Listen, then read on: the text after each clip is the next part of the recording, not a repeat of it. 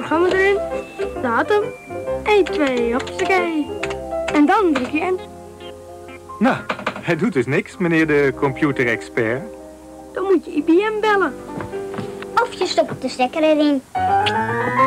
Hey, leuk dat je weer luistert naar een nieuwe podcast of je stopt de stekker erin. Mijn naam is Baren Baasen en ik zit er samen met... Tony Bastiaans. En vandaag als gast is aangeschoven Leo Dijkstra. Leo. Welkom, leuk dat je er bent. Dankjewel. Uh, zou je even kort kunnen uitleggen wat je bij een IBM doet? Ja, wat ik bij IBM doe is eigenlijk uh, breed klanten helpen in hun energietransitie. Uh, maar ook de transitie om duurzamer te worden als bedrijf.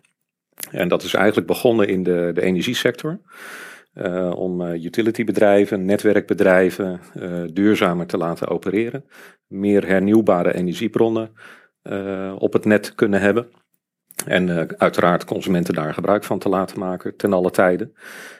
maar dat, dat werk breidt zich steeds verder uit naar ook andere sectoren.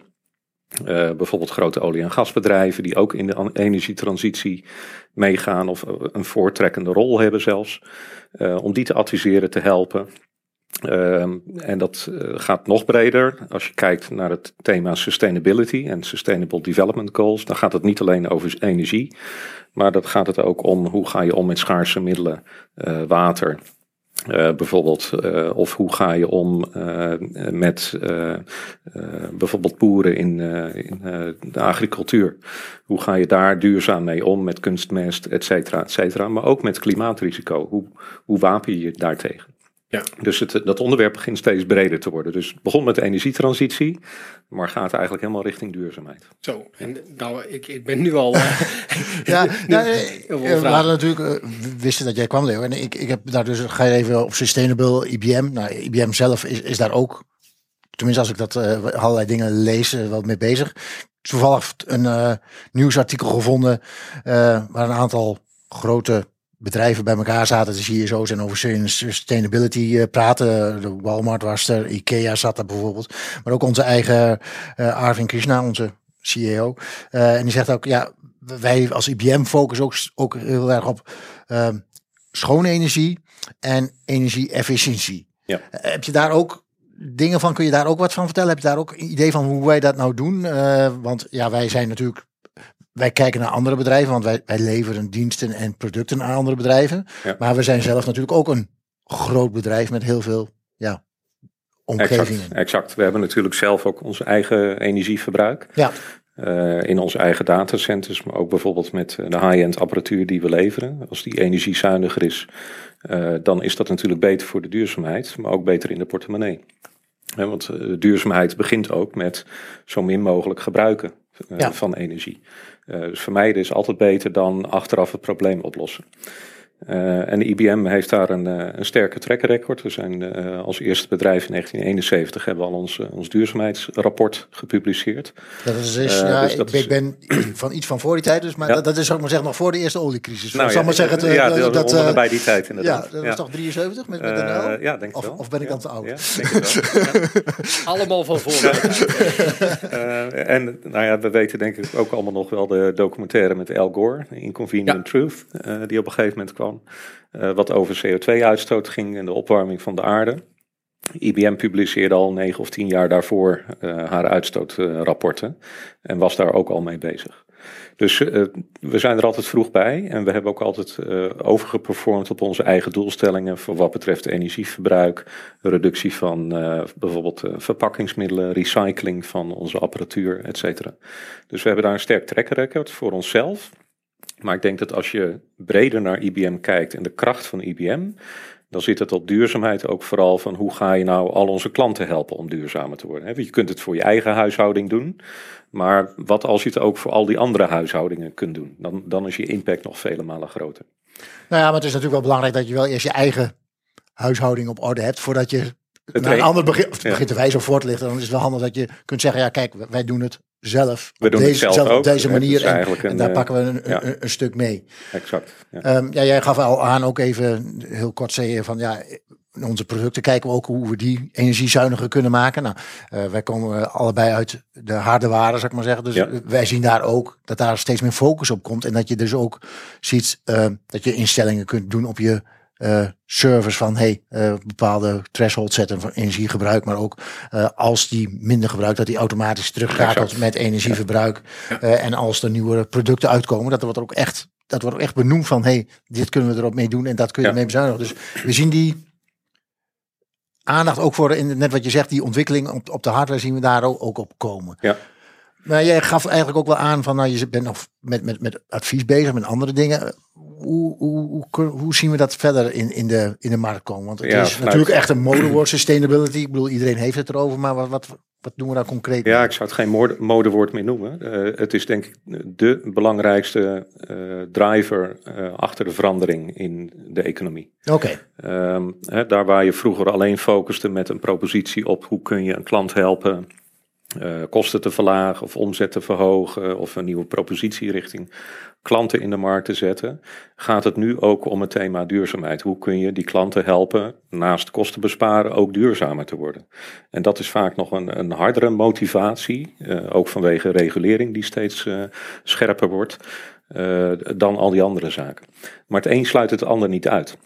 Als je kijkt bijvoorbeeld naar duurzame producten, ook de consumenten vragen naar meer en meer duurzame producten. Koffie, thee, bier, uh, voedsel, uh, auto's, hè, noem het maar op. dus het biedt ook kansen voor bedrijven om als frontrunner nieuwe diensten en producten in de markt te zetten. En daar heb je natuurlijk ook IT bij nodig. Ja. Ik zeg altijd van, stel je bent een bierbrouwer, er staat er altijd op het etiket, er zit water in, hop en gerst. Maar er mist eigenlijk één ingrediënt wat, wat niet op het flesje staat en dat is ICT. Uh, zonder ICT breng je dat soort producten gewoon niet naar de markt. Nee, dat geldt. Ja, je brengt bier op, maar dat, dat geldt natuurlijk voor heel veel. Dat geldt voor eigenlijk, voor alle, alle producten, producten dat ja. daar ja. naar gekeken wordt. Ja. En, en, vanuit jouw provisie ben je daar dan mee bezig en kijk je dan naar het IT-stuk? Of kijken jullie naar het hele proces? Uh, nee, we beginnen uh, vanuit IBM Consulting meer met uh, business consultancy. Van, van wat zijn nou de drijfveren in de markt? wat doen andere bedrijven in de sector? Waar zien wij het zelf naartoe gaan als IBM? Om van daaruit te gaan adviseren. En dat vertaalt zich dan uiteindelijk in IT-middelen die je daarvoor kunt gebruiken om dat te doen. Um, een voorbeeld, uh, ik, ik, zei het al, kom zelf uit de energiesector. We zijn met uh, Tenet, uh, hoogspanningsnetbeheerder ja. in Nederland, bezig geweest om te kijken van hoe kun je nou omgaan met fluctuaties van stroomtoevoer naar het net. zoals je weet hebben we steeds meer zonne-energie en windenergie. Nou, dat is niet zo stabiel als een gasgestookte elektriciteitscentrale. Dat fluctueert wat. Ja. Dat is niet 100% voorspelbaar. Zeker op een dag als vandaag met al die windvlagen. Ja. Um, maar het elektriciteitsnet moet altijd in balans zijn. De vraag en de aanbod uh, moeten altijd uh, iedere seconde in balans zijn. Uh, je, je slaat geen stroom op op het net. Maar we hebben met hun gekeken van hoe kan je nou die toenemende fluctuatie eigenlijk opvangen in bijvoorbeeld elektrische auto's die verbonden zijn aan het elektrische net. Dat je net even die schommelingen vlak strijkt, om het zo maar te zeggen. Um, en daar hebben we naar gekeken van hoe kunnen we dat nou doen? Ook voor uh, met uh, kleine apparatuur zoals een auto of een, een thuisbatterij of andere zaken. Uh, en welke technologie kun je daar nou voor gebruiken om de transactiekosten laag te houden? En hoe kun je dat systeem ook betrouwbaar, transparant neerzetten? En we kwamen uit op blockchain technologie. Dat is nu een jaar of ik denk vier geleden dat we dat gestart zijn. We hebben toen pilots gedraaid met thuisbatterijen, elektrische auto's. Daar bleek het goed mee te kunnen. En dit systeem uh, hebben we naar productie gebracht. En dat zijn we nu uh, met Tenet in Nederland en Duitsland, maar ook in, in een aantal andere landen, nu vijf Europese landen, aan het uitrollen. En dat zorgt er dus voor dat niet alleen die schommelingen beter opgevangen kunnen worden en er dus meer zon en wind op het net kan komen, maar het zorgt er ook voor dat je die balancering, zoals het heet, niet meer met een gasgestookte centrale hoeft te doen. Dus je vermijdt CO2-uitstoot. Maar het zorgt er ook voor dat jij en ik met onze elektrische auto mee kunnen gaan helpen om die balans te bewaren en daarop voor beloond worden. Want vroeger werd de eigenaar van de gasgestookte centrale daarvoor beloond. Nu kan die beloning gedeeld worden met de burger die meehelpt. Dus je democratiseert daarmee ook het energiesysteem. En even daar op, op, even een kleine verificatie, zou ik maar zeggen, van mijn technische ja. brein. Ik zie uh, fluctuaties gaan we opvangen op, in, uh, in mijn elektrische auto. Ja.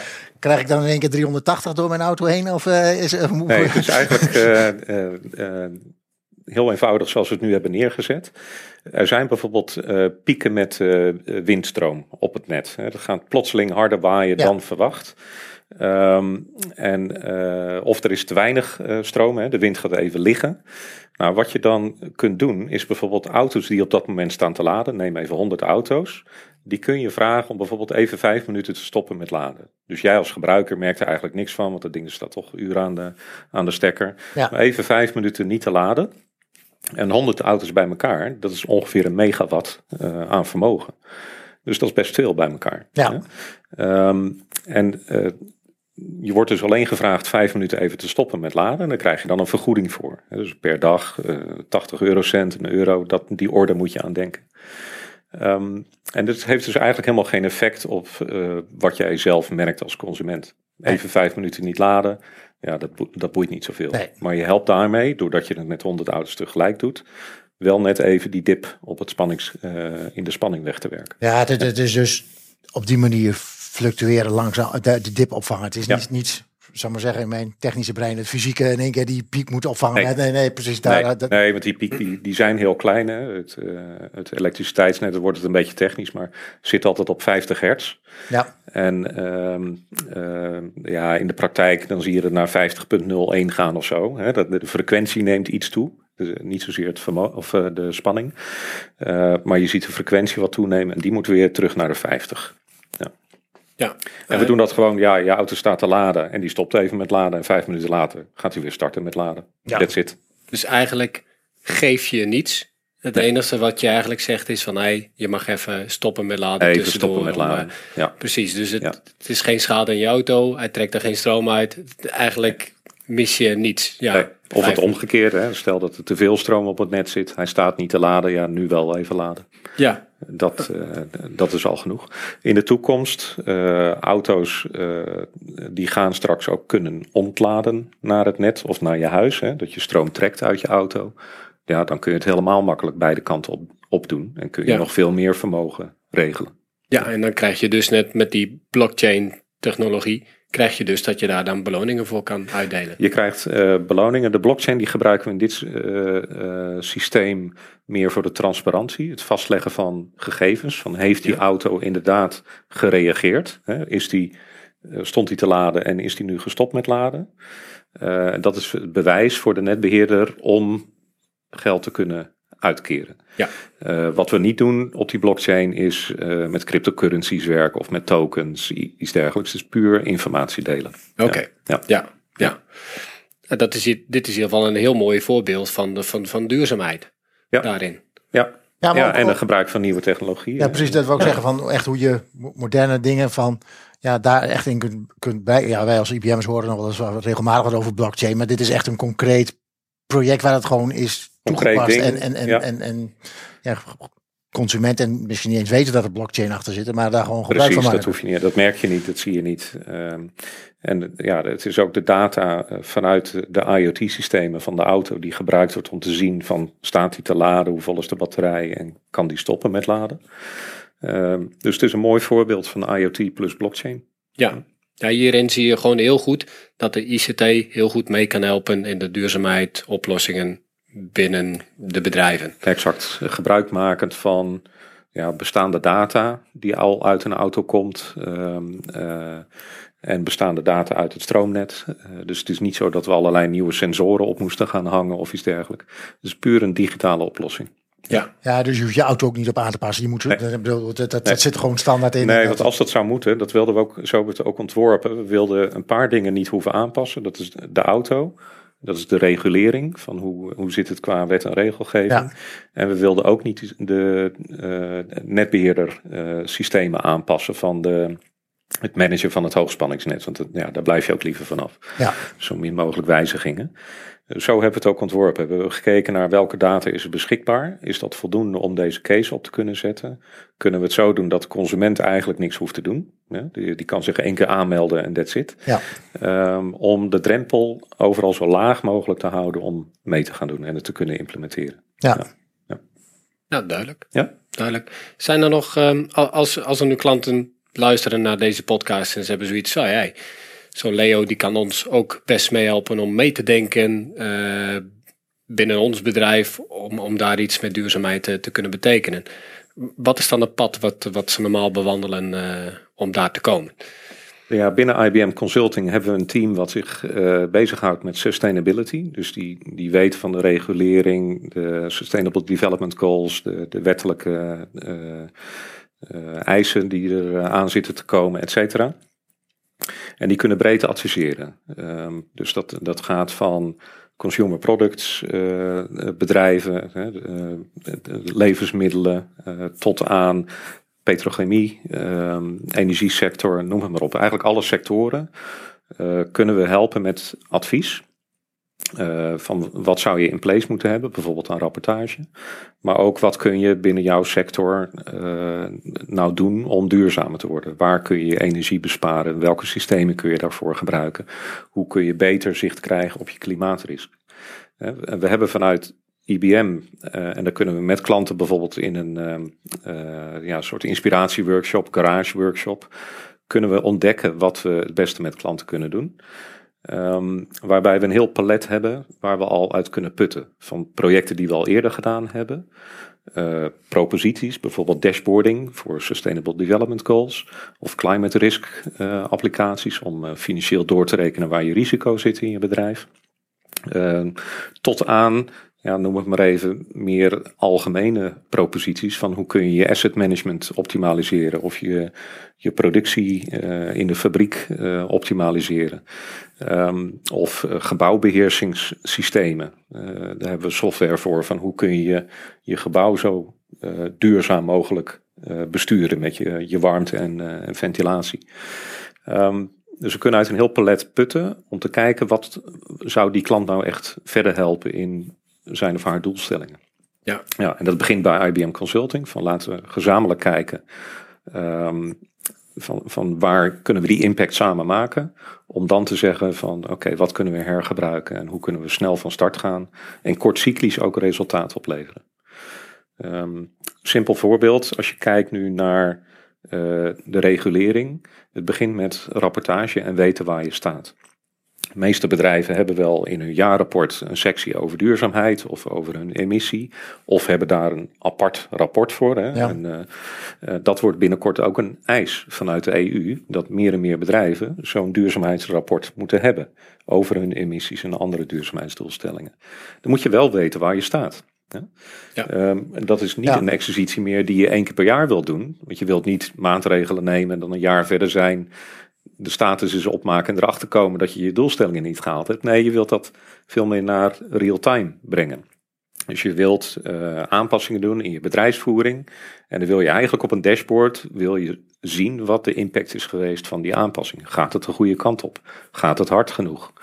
En dat wil je niet alleen als management zien, je wilt het eigenlijk ook met je uh, medewerkers ja. delen. Van hoe kun je nou die data op het juiste niveau presenteren? Dat doe je met zo'n dashboard. Ja, dat je, je meer ook draagvlak binnen het bedrijf daarvoor binnen krijgt. Het bedrijf, een doelstelling voor, voor iedereen wordt en niet in management opgelegd. Exact, ja. exact, dat het veel meer gaat leven, geborgd wordt in je eigen proces. Uh, maar stap verder is natuurlijk, wat kun je met die data, als je het dan hebt, richting je klanten doen? Kun je ook voor je producten aantonen wat de verbetering dit jaar is geweest of hoe duurzaam het is? Kun je je daarin onderscheiden van je concurrent? Dus je ziet eigenlijk, het begint met, met data en rapportage, omdat van die jaarlijkse cyclus naar kwartaal, maandelijks, dagdagelijks te brengen. Om zo te zorgen dat je veel sneller kunt gaan reageren op, uh, op die veranderingen in de markt. En daar ook je voordeel mee kunt doen. Ja. ja. Nou, dat is waar we klanten mee helpen, ook in een garage opzet. Van welke doelstellingen hebben ze nou? Hoe kunnen wij daar snel uh, dit soort zaken voor inrichten? De data ook uit verschillende systemen uh, bij elkaar krijgen. Dat is ja, eigenlijk het normale werk wat we doen. Hè? Systeemintegratie, uh, data-analyse.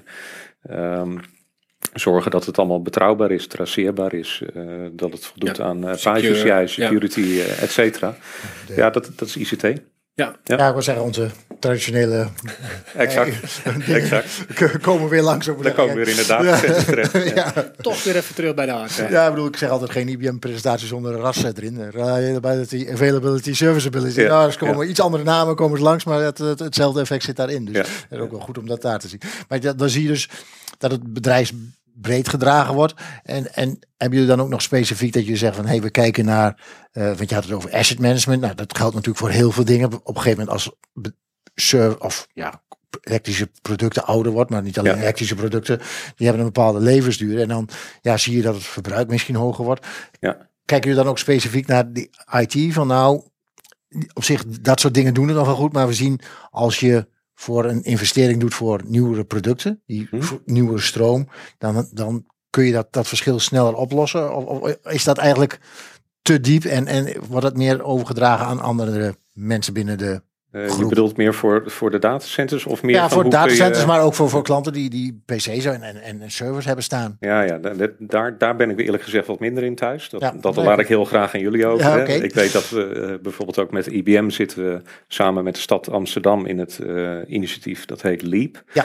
LEAP is een initiatief waarbij we gezamenlijk met de stad Amsterdam, waar veel datacenters in de omgeving staan, kijken naar duurzaamheid van die datacenters. En dan gaat het over recycling van materiaal, maar dan gaat het ook over de, de instellingen binnen zo'n datacenter.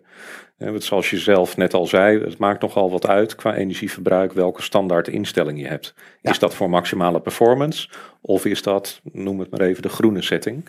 Je kent het ook thuis van je tv of van je ehm, je tv-box, uh, tv-ontvanger. Uh, daar kun je ook uh, instellen van uh, moet hij altijd supersnel reageren of mag het ietsje langzamer duren en staat hij dan een beetje meer in de standby mode. Ja, ja. zelfs met je wifi-router heb je het. En zelfs met je wifi-router zit ook een groen setting op. Ja. ja.